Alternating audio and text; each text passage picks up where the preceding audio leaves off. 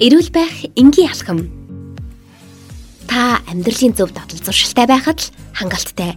Таны эрүүл мэндийн боловсролд дэм болохоор сонгодоо подкаст эхлэж байна. Сайн байцгаана уу? Сонгодоо подкаст эхлэж байна. За энэ удаагийн дугаараар сонгодоо эмнэлгийн дотоод шүүрлийн эмч Солонго надтай хамт нэвтрүүлгийг хөтлөн та бүхэндээ хүрэхэд бэлэн болсон байна. Бидний хамтдаа ярилцах сэдв нүүрс ус гэсэн сэдвийн хүрээнд ярилцах гэж байна. Юуны өмнө хамтран хөтлөгчтэй энэ өдрийн мэнд хүргэе. Сайн байна уу? Та бүхэнд энэ өдрийн мэнд хүргье. За мэдээж ярих гэж байгаа сэдв буюу нүүрс усныхан талаар товчхон мэдээлэл бидэнд өгөөч. За нүүрс усыг ярихын өмнө бид нэр хоногийн илчлэгийн талаар ярих хэрэгтэй байх гэж бодож байна. Бид нар өнөөдөр хоолоор авж байгаа хоногийн нийт илчилгээ маань 40-оос 50%ийг нь бол нүүрс ус эзэлж байгаа.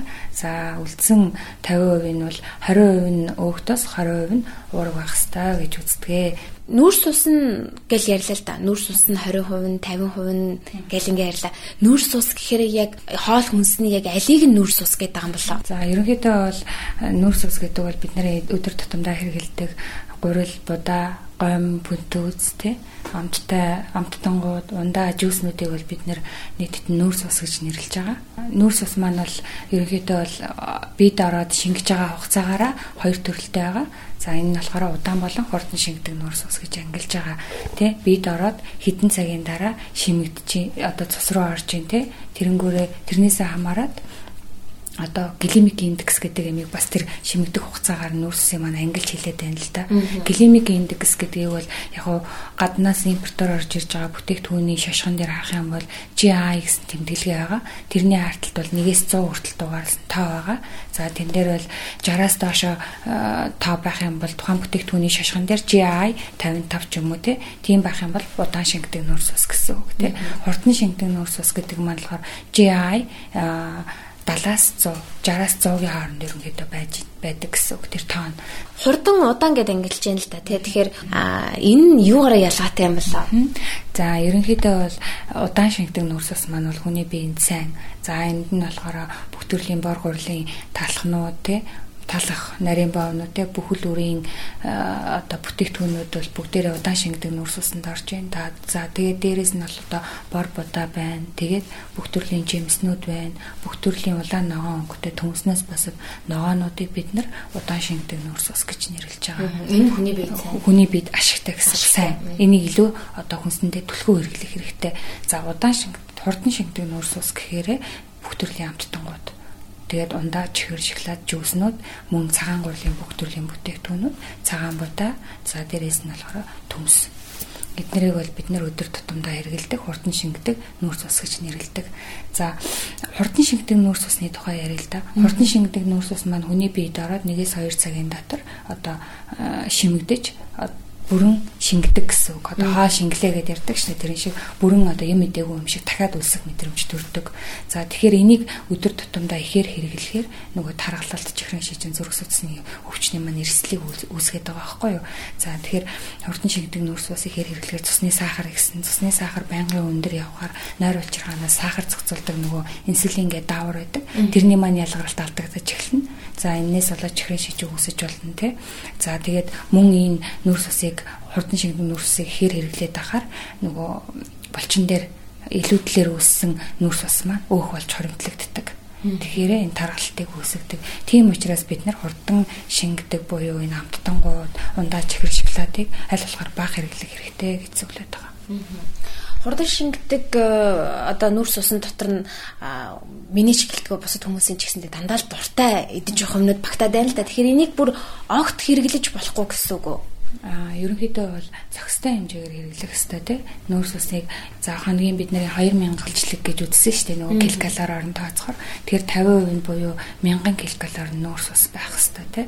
За тэгвэл тэр 1000 килокалори чинь 1 г нүүрс ус маань 4 килокалори гэж үзэхээр 1000-ыг 4-т дуухаар 250-ыг дунджаар хүмүүс одоо 250 г нүүрс ус авах хэрэгтэй тий.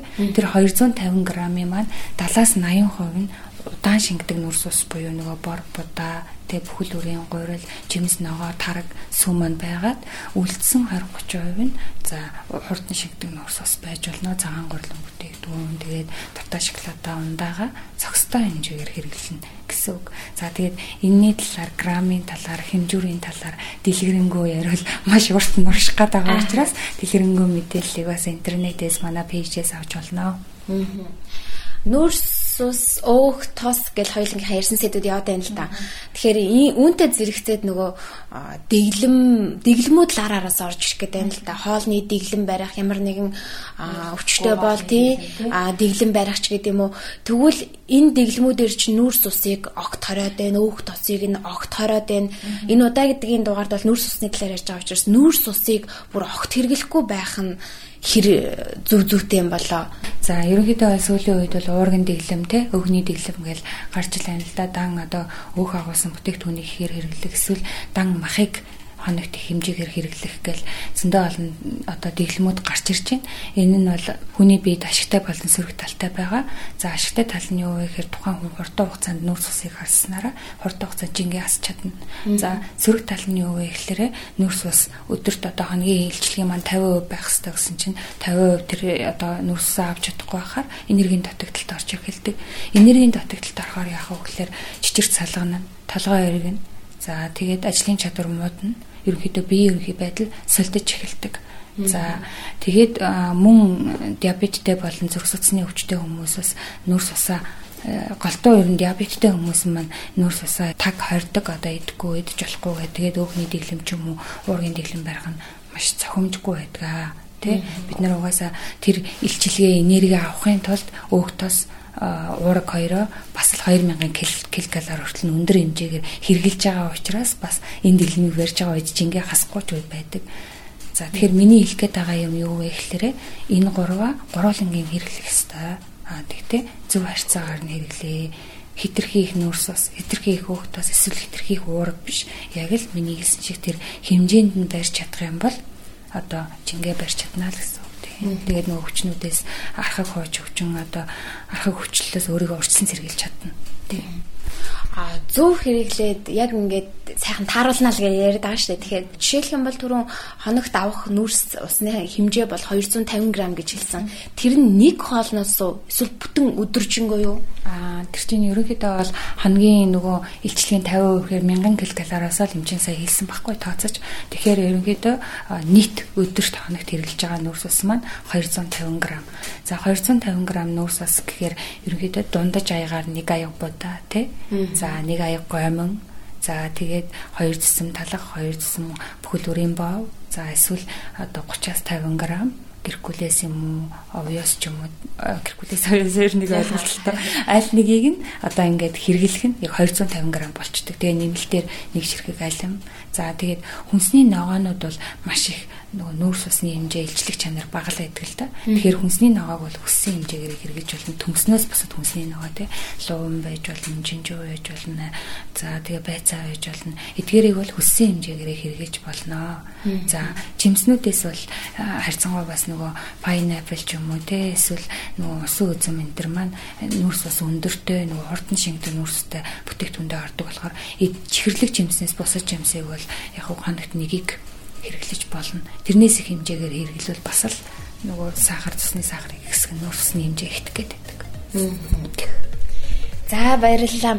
Өнөөдрийн сонгодоо подкастаараас нүүрс тусны талаар зөвлөгөө мэдээллийг хоёлаа хүргэлээ. Өмнө нь өөх тусны талаар хүргэсэн. Өнөөдөр нүүрс тусны талаар хүргэлээ. Дараагийн дугаартаас уургийн талаарх мэдээ мэдээллийг хүргэх байх гэж бодож байна. Өнөөдрийн дугаартаас надтай хамт хөтөлсөн дотоод шүүрлийн эмч Солонгоо эмчтэй маш их баярлалаа. Баярлалаа. Энэ өдрийн сонгодоо подкастаар сонсогч та бүхэндээ нүүрс тусны талаар зөвлөгөө мэдээлэл хүргэлээ. Дараагийн дугаараар уулзтлаа. Түр баяртай. Сонгодоо подкастын ээлжид шин дугаар танд хүрлээ.